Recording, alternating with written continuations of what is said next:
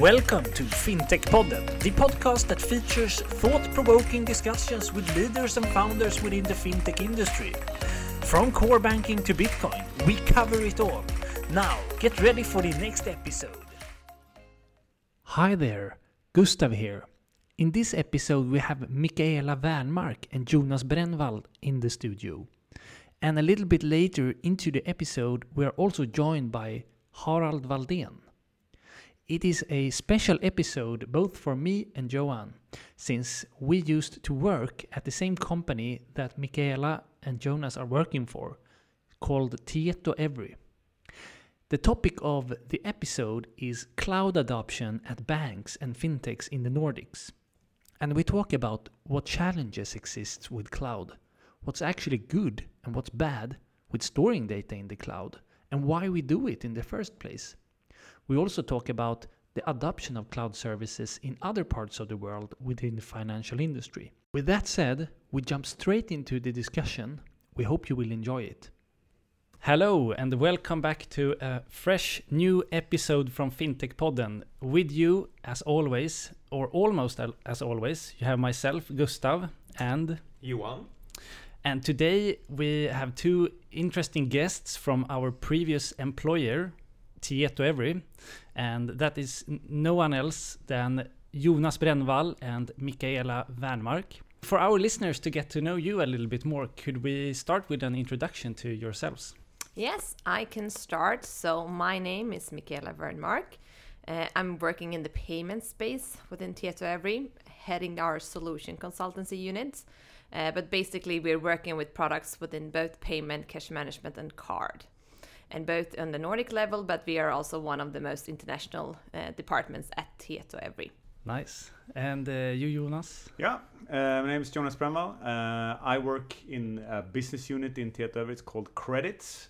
And uh, what does that mean then? Well, we work with type of loans, you know, lending platforms, leasing platforms, factoring, collection, you know, anything that revolves a credit really. Uh, so, so that's what we do. And I guess my job is sort of to ensure that we have great software products for, for this market. I guess that's what I do.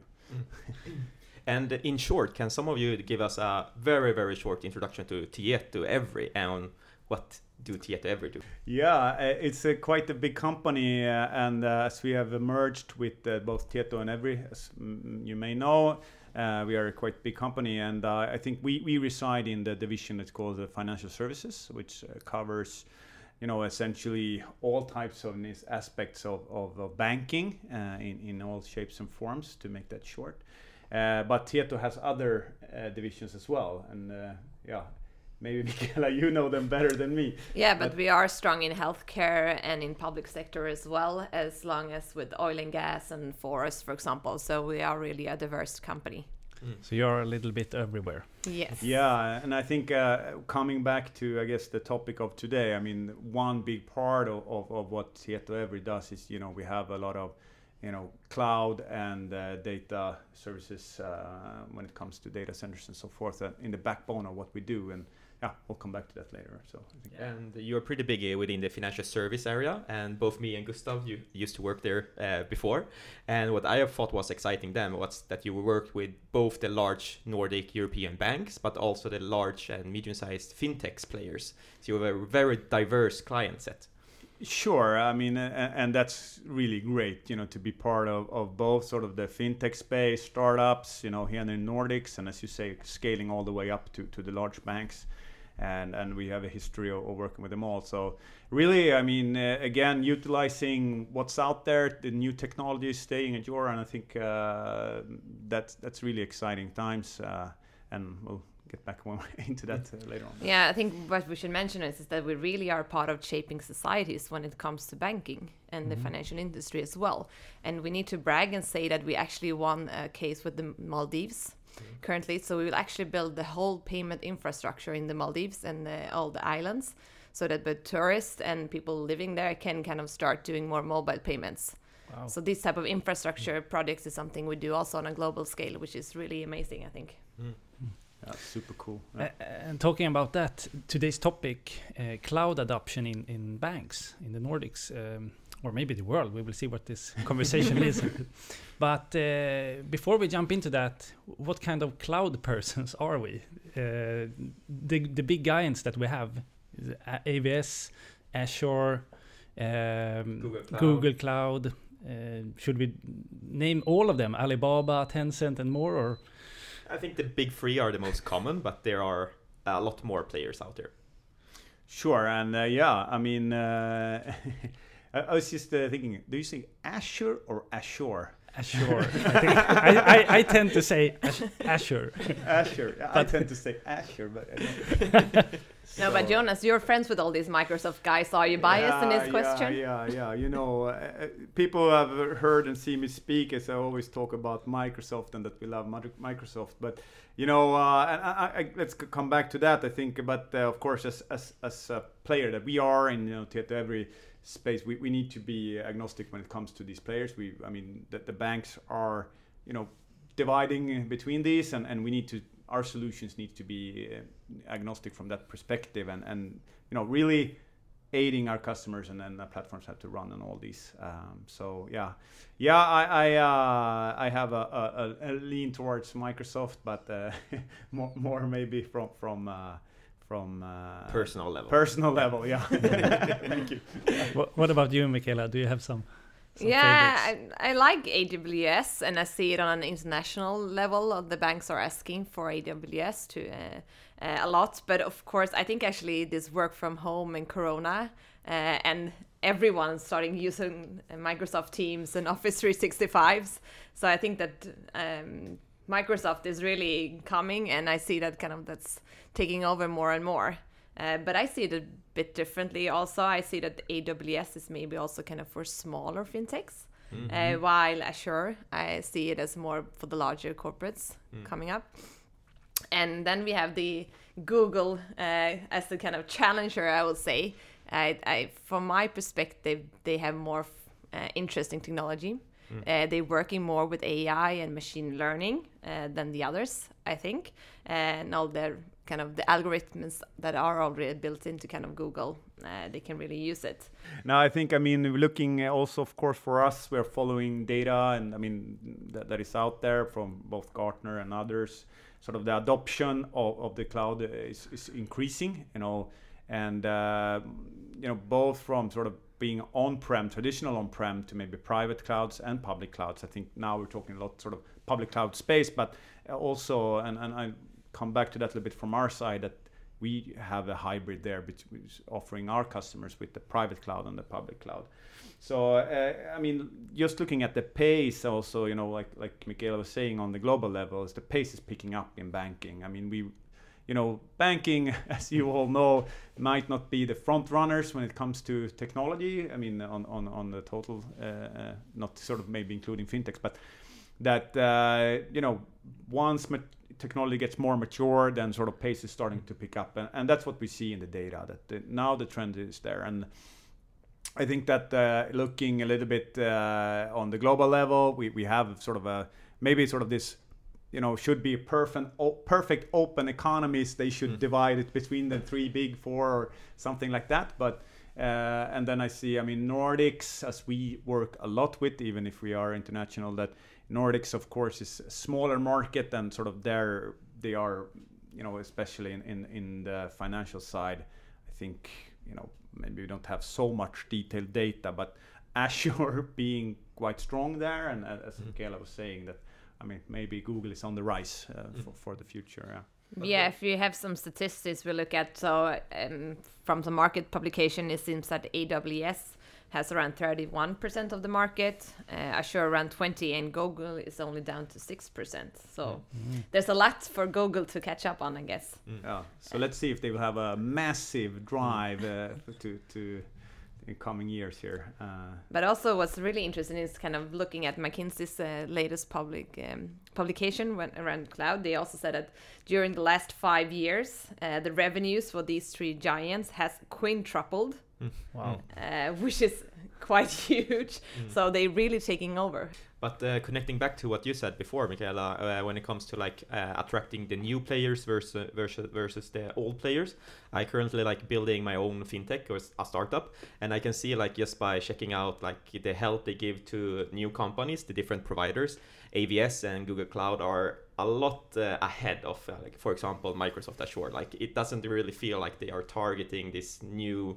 newly started companies, while AWS they are giving like millions of SEK in uh, credits to use their compute power in the cloud to just like hook them up early and then potentially grow with them. But you don't see really that traction from Microsoft yet here Yeah. in the Nordics. It feels like. I think it's a great point actually. I mean, support is crucial. I mean, as we said, I mean, we can you can look into these stacks and you know what, what varies between them, but you know they all provide great technology, no doubt. Hmm. But of course, I mean, if you like you say, if you're in a startup mode or if you're even, I mean, adopting cloud technology, you need support. Hmm. I mean, like i- i- like many of the businesses in our own, I mean, we are stuck in the day to days and, and sort of we want to take this this leap in technology. We, we see the benefits of doing it, but we also need the support. So I think they're onto something there, and I think you know that that's that's a, that's a great point. Uh, hmm. Yeah, and it ties back to- to my prediction I think that AWS is more for kind of startups and these fintechs, uh, while Azure might be more for giants. Uh, and also kind of seeing this different structure that Microsoft have that you can kind of have license directly with Microsoft, or you can actually have a partner to Microsoft that you can partner up with and have an agreement. Uh, so I think that's a huge difference. Yeah, definitely. And I mean, uh, that's maybe coming back to sort of we, we're making a little bit jokes about Azure and Azure uh, strategy for us in Tietoevry, but we are a strong partner to, to Microsoft and and that gives us a lot of possibilities. And, and looking back a few years here when we started deploying and utilizing cloud technologies, you know, Tietoevry was uh, one of the first one that could deploy in our own data centers a subset of Azure. It's called Azure Stack. I think you know people are into this knows what it is, but it's sort of a, a- my simple explanation of it. It's a subset of, of it, but that allowed us to utilize the technology. We we allowed it to get it early, uh, prior to to sort of common market, and it allowed us to have data stay within our data centers. So I mean, as they are building the data centers, you know, looking a few years back, no one was sort of having a Nordic presence data center wise.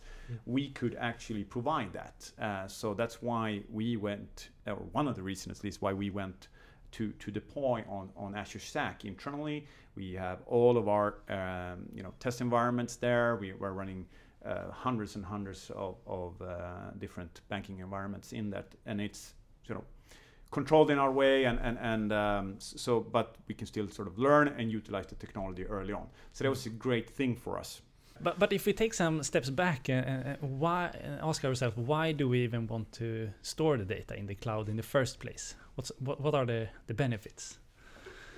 Yeah, I think it's quite interesting. I've seen a lot of change when discussing with the banks as customers, uh, where they first were quite skeptical of using cloud, I would say, um, because they felt that it's not secure enough. You can't store like important infrastructure data, like payments in the cloud.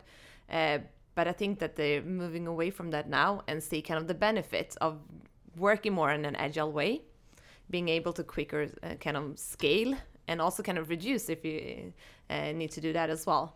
Um, so I see that the the cloud uh, has kind of ch- changed kind of more how you do the business. And I know also we discussed me and Jonas a little bit. Is it really cheaper to go to cloud? Uh, I think that's not really true. If you look at kind of the total cost, I think that the on-prem installation uh, is still kind of could be comparable to a cloud solution but so, but more I think is from the bu- business side, how you work with the business, how you innovate, how do you develop. Uh, I also see this kind of now working from home.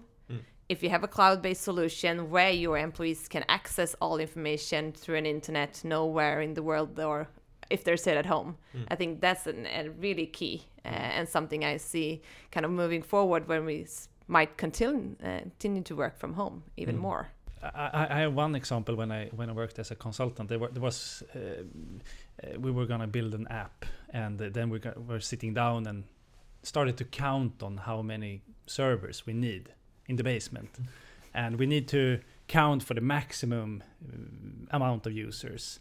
at the maximum the time when it's Salary day. yeah the salary day exactly and then it just uh, that was the first time that i really thought about this the, having the flexibility with the cloud where you don't have to do this you can just change it depending on how much adoption you get so i think that was a, a an aha moment for me when i realized that uh, that cloud is really really really big thing yeah. yeah. and also see this with innovation where it's e much easier to set up a sandbox in a cloud environment test your ideas and yeah. some of these large giants they kind of give you uh, for free that you have this space to do this type of innovations as well mm.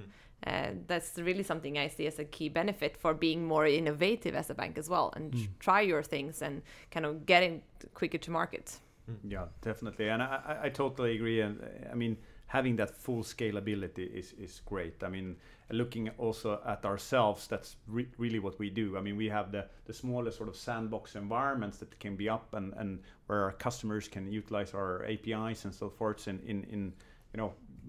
We, we, you want it today, oh, you have it today, mm. and then we scale all the way up to these large scale, you know, uh, tier one banks uh, mm-hmm. in the mm-hmm. world. So uh, it is really a, a, a great and and as you said that you know it's not only i mean your example there and I, I, had the same thinking that you know it's during operation it's not you have to plan ahead it's like okay black friday is coming up mm. you know mm. okay what what Jank, mm. turn on the, the system on, on max so to say uh, and I, I, guess that the other aspects here i mean uh, for us is of course the security side we touched on it a little bit but you know i think that that is a big part also on coming into it, but it's also a transformation when you do mm. adopt cloud.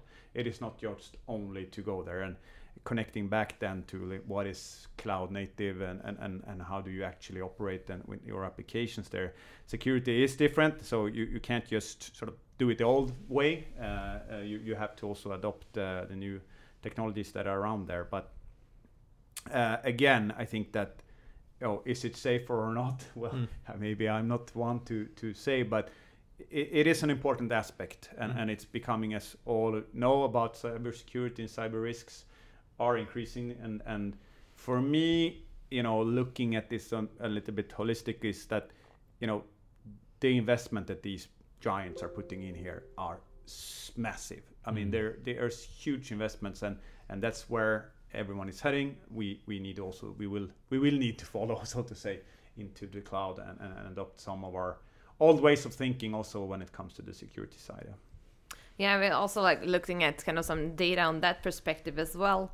Um, Gartner predict that by 2025, 90 90% of the cloud uh, security failures will actually be on the customer side. So, kind of that they have all these kind of certificates in, within the cloud that they are secure, but it's actually down to how do you run your operations how do you do your development mm. uh, and and so i think also that it's sometimes i think some banks are a bit naive thinking that they can kind of buy everything as a cloud service mm. and then someone else will take care of everything from both operation infrastructure security mm. uh, so that's really something i've feel also will be important going forward like what what do you as a company even even though if i have everything in the cloud i buy it as a service but what is still my responsibility mm. and how do we work as a company and i think now is a good time to maybe introduce our guest first guest for this uh, episode today uh, do we have uh, harald with us yes we do hi yes hello harald uh, you are currently the cto of a very exciting fintech called bright right? Yes, that's correct. Yeah. And uh, we, uh, maybe from our side, consider you to be a cloud expert at least. Uh, I'm, I'm not sure I should uh, say that I'm a cloud expert. I come from, from a strong on prem background, but currently we're running all our infrastructure as well as our office environment in the cloud. So for the time being, yes, uh, we do operate everything in the cloud. Yeah, so you can see both sides from this at least, right? Definitely. Yeah, so could we just get a short introduction to yourself and to Bright? Yes, you can. So my name is Harald Valdén, and as you said, I work as the CTO on Bright, and Bright is a direct bank payment company. Uh, so making uh, direct bank transfers available for, for normal people and for merchants. Uh, we've been around for about a year, launched our services in Sweden, Finland, and the Netherlands a couple of months ago. So we are up and running right now. And in the in the current cloud war, uh, where do you stand, or where do you Bright stands in this fight? Uh, when it comes to what we use and where we stand in the fight, that's kind of two different questions. So, so I can take uh, an answer to both of them. So, fr- from a uh, where we put our money, that is in GCP, Google Cloud. So, uh, we have chosen to run all our services there, as I mentioned, both the actual infrastructure as well as our office environment. But where we stand as more on a in the war, we see that there are benefits with all different cloud providers and that you can get most of the features out of any of the big three that you've mentioned before during uh, during the talk before I joined. So uh, I, I'm I'm not religious in that way that I would say that Google is supreme or, or better than anybody else, but that's where we have have chosen to to put our infrastructure at least. Interesting. And and uh, one one question that I've been thinking of is if you have chosen one provider, uh, do you know if it's is it easy or hard to to change to another one? It's it all comes down to how you have chosen to onboard or how to use the cloud provider. So for some companies it might be an easy task, but for some it will definitely be harder because there's so many ways of using those cloud services that exist uh, you can use a cloud service just as the pure infrastructure partner to host your services. And then you could basically move in a day, but you can also adopt your services to use the uh, building facilities or the, as Google has their app engine, for instance, to take advantages of additional features. And if you do so, you get more locked into that one specific cloud provider for good and for bad. And how come that you choose to do it in the cloud from start? Did, did you ever consider to not do that? Uh, to be honest, this decision was actually made before I joined uh, the company. But but one of the reasons that we see is when you start a new company and don't have a uh, huge amount of money to start with. I mean, as as Mikaela earlier mentioned, I think once you're up and running and have a big infrastructure, there's not that many cost benefits of using the cloud. But during the first month or year for a new company, then it's definitely a, a benefit to start uh, in the cloud. You don't need DevOps personnel, you don't need a network technicians, for instance, you don't need a, a server side technician to, to start up the company. So so from that perspective, I think for startup it is definitely a benefit, both cost wise and speed wise to to get going with the cloud. And when it comes to attracting talent, do you think it's a it's a good thing that you use a cloud provider versus uh, attracting talent from the traditional finance industry or how do you is that any consideration in this at all definitely uh, working at previous uh, employees we had people who actually requested us to use some services in the cloud because they kind of felt like they were losing out on new cool good technology by not being able to use the cloud services. So of course it is uh, important for us as a uh, company to use services to attract good uh, developers or uh, technicians overall so, when it comes to cloud native, where do you stand in this question? Are there any pros and cons between the different options? I think, I mean, uh, it's interesting, at least from my perspective. I mean, what, what is cloud native? I mean, yeah. there's sort of this ter- terminology that we, we tend to use, and I guess it means different things to, to different ones. And if I start off, I mean, like cloud native for us, uh, I, like I touched on before, is that, you know, we need to use the technology and tools that that allows us to be, you know, open and that we can you know utilize our platforms on on the different cloud vendors so mm-hmm. so that is what it means to us and and and you know again coming back to that we can utilize it uh, and that our customers needs to choose like for example i mean we, we heard harald talk here about their choice but our customers we, we we cannot make the choice for our customers mm-hmm. they will make the choices and uh, so we need that, that that's sort of how we see uh, and and uh, maybe not define cloud, but mm. at least mm. our, our, our way of, of, working with it. Yeah. And when it comes to like security issues or storing financial data? Uh, are there any pros and cons on being native versus uh, non-native uh, in that regards. Harald, do you have any input in that area? Most definitely. I mean, for from a startup perspective, uh, having security personnel at your hand is not really common. So from that perspective, I would say that storing data in the cloud would be more uh, secure. Then you shouldn't be tricked by no breaches ever happen in the cloud environment. Of course, it does happen and it has happened. So uh, you can't be blinded by the fact that Google might have much bigger security staff than you have. But yes, I, I see uh, pros with storing stuff in the cloud when it comes to security. But you have never thought about a multi-cloud strategy in that way for, from a security perspective if something happens? Uh, then we're talking more of a redundancy than a, a cybersecurity point, but definitely I've been considering uh, hybrid solutions in that case where you have some or most of your infrastructure in the cloud and, and then have the redundancy layer or the potential backups or so off cloud or on prem. Uh, I may I might be a, a bit old fashioned in that sense, but I really like being able to kind of touch my physical backups and knowing where they are stored rather than them being somewhere in the cloud or somewhere else. So, yeah, from that perspective, I, I think of a hybrid uh, solution. And from your point of view, do you think the different providers differ in any sense when it comes to uh, specific security for financial industry? Uh, are they better or worse, uh, or are they equally good? Uh, this is a historical question as well. Currently, I think they are, are almost up to par, and all the three big ones do what they can in order to be approved by, for instance, the Swedish FSA.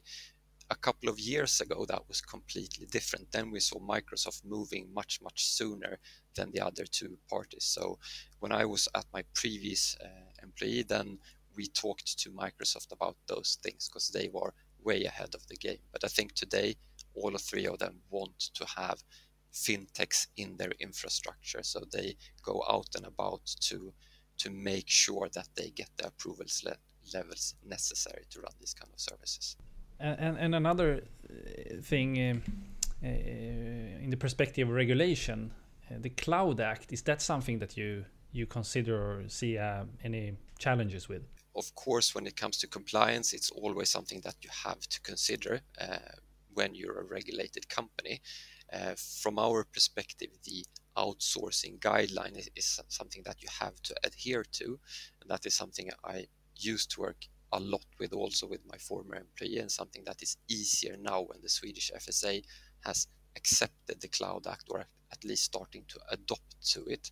So it is easier today, even though it takes quite some time to prepare the documents and prepare or describe the failover scenarios and how you would operate without these uh, services in place. Yeah, and uh, Harald, do you have any like last advice for fintechs uh, that are very early when they when it comes to choosing a provider or any tips and tricks in that sense?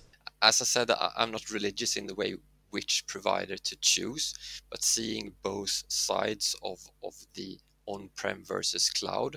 If you're starting something new and if you have a limited budget, which you in most cases have when starting something new, then I would definitely consider moving to the cloud first. And which provider, then I would say the provider that your technicians, your developers know the, the most. Uh, I would go with that one uh, without any doubt. Mm. And from your perspective, Jonas? Yeah, I think uh, we are, you know, as we mentioned, covering maybe a little bit mid-size to to larger banks. I think we we are operating in this hybrid mode at the moment. So as as also we touched here before, so we we utilized both you know our own uh, private uh, clouds. We utilize you know like I said the, the Azure stack, and we also utilize Azure. Uh, so so we're really operating in this hybrid mode, uh, and I think looking in you know next year and the coming years uh, that we will continue in that. Uh, I think that uh, we we move with, with, sort of the, the adoption rate in, in, in the business and let's see. I think uh, I, I made this bold statement three years ago that uh, in three years everyone will be on the public cloud, mm. and you know now sitting here losing a year to COVID, and you know, so I, I guess I, I should uh, stay off those predictions. Uh, yeah. And from your side, Mikaela. Yeah, we see as well that hybrid is kind of the most common so far. But I see, I, I, we've seen a dramatically shift from the specifically the larger banks that we're working on a global scale. Mm. They are interested in, in kind of where are the data, and also from a security perspective and GDPR perspective as well, you need to be aware of also kind of where you store your data and how is it stored. Mm. Um, but I think that this hybrid versions is something that you start with, but they are slowly moving away from that to be kind of fully cloud native. Mm. Uh, and I think that also demands a different type as again how you work, how you develop. Mm. That will kind of shift quite a lot. And if you look, you're both active around the world. Like, do we see any different in different regions in Europe, US, Asia when it comes to cloud adoption or the tendency to go to public versus private clouds and so on? I see in Asia where I've been um, kind of meeting with all of the larger banks actually in the uh, last year. Uh, it's like it's definitely this public cloud mm. that they want to. So they are before many other regions. They are quite yes ahead, and it's been like that. We are not even allowed to kind of pitch or send in an offer if we're not cloud native fully, yeah. and mm. that we are cloud agnostic as well as Jonas said that we need to be able to kind of deploy in any type of cloud. But I definitely see the banks, especially Singapore region, being quite far ahead from a financial mm. perspective. And you, Jonas, do you see any different for your product areas? I think, I mean, uh, I agree with what Mikaela said there. I think uh, we, uh, we we have seen, as I think I mentioned earlier, that you know here in Nordics, that you know also I think Harald touched on that that Microsoft was coming out strong. They had a strong foothold here, and and then the others are catching up, and also similar in in Europe, even if uh, yeah, it's uh, it's the the battle is on. All right, but uh, one question that I have is uh, we, we, we see the, the, the emergence of new business models, not just in finance, but if we think about the, the subscription based uh, economy, uh, does that have any effects if you effects on whether you go um, on prem or use a cloud uh, service? Yeah, definitely. I think that we, at least here, kind of in, in Sweden, we see this kind of Spotify effect mm. uh, where we are used to pay everything by subscription. Uh, which is also something that I see translating into kind of the banking, especially in the payments world as well, because you have um, payments are like a commodity that you why shouldn't we pay that from a subscription model as well? Mm-hmm. Uh, so I think that's highly interesting. I think also with this cloud that uh, that several customers see that that is easy to do a subscription model and kind of pay for the actual usage mm. in that sense. And from your perspective, Harald, uh, I I will use my CTO hat full on, saying I just within quotation mark wants the capacity to run the, the services that I'm supposed to be running. So this usually comes from from the CFO side within the company. Uh, but also of course I, I see the benefits of doing the subscription based model once again at least from a startup uh, perspective. But also you know harald your, your black friday mode turn turn everything on. That's that's true as well but but if you've built your your on-prem or, or whatever in a, in a good way then you will be able to cope with a black friday scenario or something else as well Uh, another thing when we talk about the cost base that could be interesting as well, that's cost prediction. And that could in some cases be somewhat difficult on a cloud service because if you scale to a Black Friday or whatever, then it's hard to know exactly where you will end up. If you have an on prem solution and you have bought X amount of servers and you've bought a fire, firewall and you have your internet connection, then it won't, the price won't scale. And if you're forced to scale down, you have an easier way of scaling down in an on-prem solution or at least knowing how much you will have to pay. In in the cloud scenario, I have currently that problem. I don't know what our cost base will be in 12 months or in 24 months when doing a long-term forecast because uh, I don't see the exact uh, correlation between a transaction and a cost. So from that perspective, it is a little bit harder to, to foresee the future. yeah, I think that is super interesting because I think uh, really, you know, getting that real live example because uh, I, I totally agree with that, and I think you you you you tend to hear the other way around that okay, I can control it, you know, and that's sort of the, the pitch. So I think that that's really interesting to hear both side of, of that coin, of course. Pros and cons with everything, yeah. So yeah. So when it comes to data in the cloud, as a private person, we're used to now to just throw everything in the cloud and it's always there instantly and so on. Uh, how about on the more corporate side? Like, how does it work here? Can you just throw unlimited amount of data in the cloud and it works? And what costs are um, connected to this? And uh, what do you actually need to think about? Uh, Harald, from your perspective. I mean, storage is currently a cheap commodity, uh, no matter if you do it on prem or if you do it uh, in the cloud, but it all adds up. And doing cleanups or knowing what you actually want to store in the long run, that is th- something that you need to consider. Otherwise, those costs will increase drastically. And, and just taking a, a real world example, uh, just the other week, I think one or two weeks ago, we actually did a cleaning of services that was running that nobody was using that still yields cost for us. So I think that's something that you need to be aware of when running cloud services that it continues to cost until you actually turn it off. Yeah, I totally agree with you. And again, kind of from from a consulting perspective, you really want to go back to kind of what does the uh, different players say. And uh, McKinsey again, they have looked at this kind of from a cost perspective as well, uh, and seen that 30% of cloud spend is actually waste. And I think that even me working for Tietoevry, I if I store my files and I store my emails and everything, I just feel that there's an endless mm. space mm. in the cloud. Uh, so I don't think that you really think about it that there actually is a cost connecting to storing all this data and that you actually still need to do cleanup of all your data. Yeah, no, we, we have the exactly same scenario as Harald was describing. I mean, it we have made it really really easy for our developers and you know to, to spawn up new systems to be able to be flexible in the work they work with different clients and and have these multiple environments but it's so easy to turn them on mm. but it's also equally easy to forget to to to turn off when, mm. so so yeah we, we, we are facing the same type of thing and uh, i mean if you're I mean, in, in our unit, we have like 150, 200 developers, and they are all can create their own environments like in a, with one click.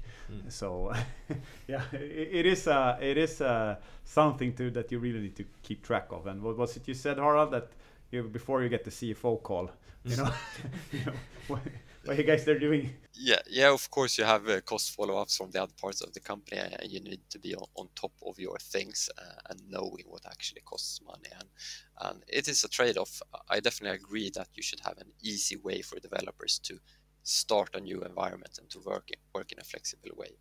But yes, then you have to remember to to turn it off in the other end of the process as well. Another aspect that I also think is interesting regarding this data is that several of the banks that we are working on, uh, they see that they have problems with data as well. And we want to be more uh, kind of consumer insight driven and use data to personalize our offering, especially in the banking sector. Uh, and I also believe that everyone of the banks that I'm discussing would feel that if we have everything stored within the cloud, we have one place where all the data is but it's also like that you still need to kind of keep track of what is the data that you have in the cloud and how do you structure it and how do you really make sure that you can utilize that data to doing predictions and doing personalization towards your customers mm. uh, because if also again if you have too much data it doesn't matter if it's kind of in one place in the cloud mm. you will not still be able to do any insights from that or actually drive something that will add value towards your end users all right, Harald, it's been uh, great to have you tuning in to the call here. Uh, do you have any last thoughts before we before we end? One thing that we we haven't really touched upon that that I come to think of is kind of the uptime requirements of financial systems, whereas historically people have seen the cloud as never failing, never never having any interruptions. But using the cloud, you actually realize that even though they're really really good at these things, things do happen and you do see downtime, which you also see on an on-prem solution, of course, but nobody is perfect, not even the, the big three. Good insights. And and uh, by the way, before we hang up, where can people get to get in touch with you and, and Bright? Bright, as I said, is a fairly new company still, uh, so we haven't done that much marketing. But if you would like to reach out, if you would like to find us, you can always visit brightpaymentgroup.com online, and there you will find more information on how to contact me or anybody else within the company. Perfect. And we will put the, the link to your website in the, in the descriptions. Thank you so much for tuning in, um, Harald. Thank you for having me. No, but uh, I think this has been a super interesting conversation. But uh, wrapping up what we have been talking about today, we have been covering the large free players that are quite active in both the public cloud, but uh, especially in also in the financial service industry. We've been talking a bit about the difference between the different regions around the world, like where maybe Asia having the lead today when it comes to cloud adoptions within financial service uh, industry. Uh, do you have any other reflections, Gustav? Um, yeah, I think it's been really great to have uh, Harald on board to uh, as a real life example Mm. talking about the challenges and uh, both uh, our guests here in the studio as well, uh, Jonas and Mikaela. It's been really great to have you uh, in the pod. Mm. And looking ahead the coming years, uh, do we guys here in the studio uh, feel as, uh, or do we here in the studio believe that the large players in Sweden will take a more stand when it comes to announcing their cloud strategies and so on? Uh, for me, at least, it feels like they are, they haven't really decided yet. They are running some small scale scale pilots. We know that SEB uh, with SAP X, they are uh, running some experiments with. Um, Google Cloud. They have been investing in Thought Machine, a cloud provider.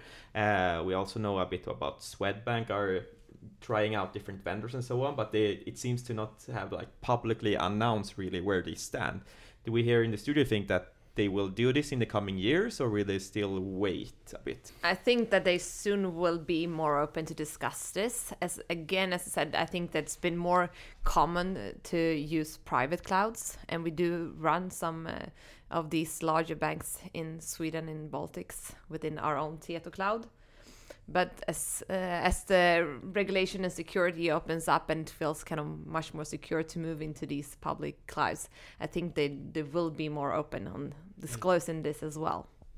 Yeah, I think uh, I mean, as as I've mentioned before, I mean we are in this hybrid mode at the moment. So and and uh, I mean looking as at the data, it's looking at data, not sort of uh, maybe uh, at the, that the pace is picking up. So so yeah, again, I don't want to predict when, Yeah. but I think that you know it is happening, and and maybe I mean coming years we'll, we'll still run run a hybrid mode uh, as as uh, but as a vendor, I mean, we, we will you know adopt with the market. I think that that's uh, Mm, mm.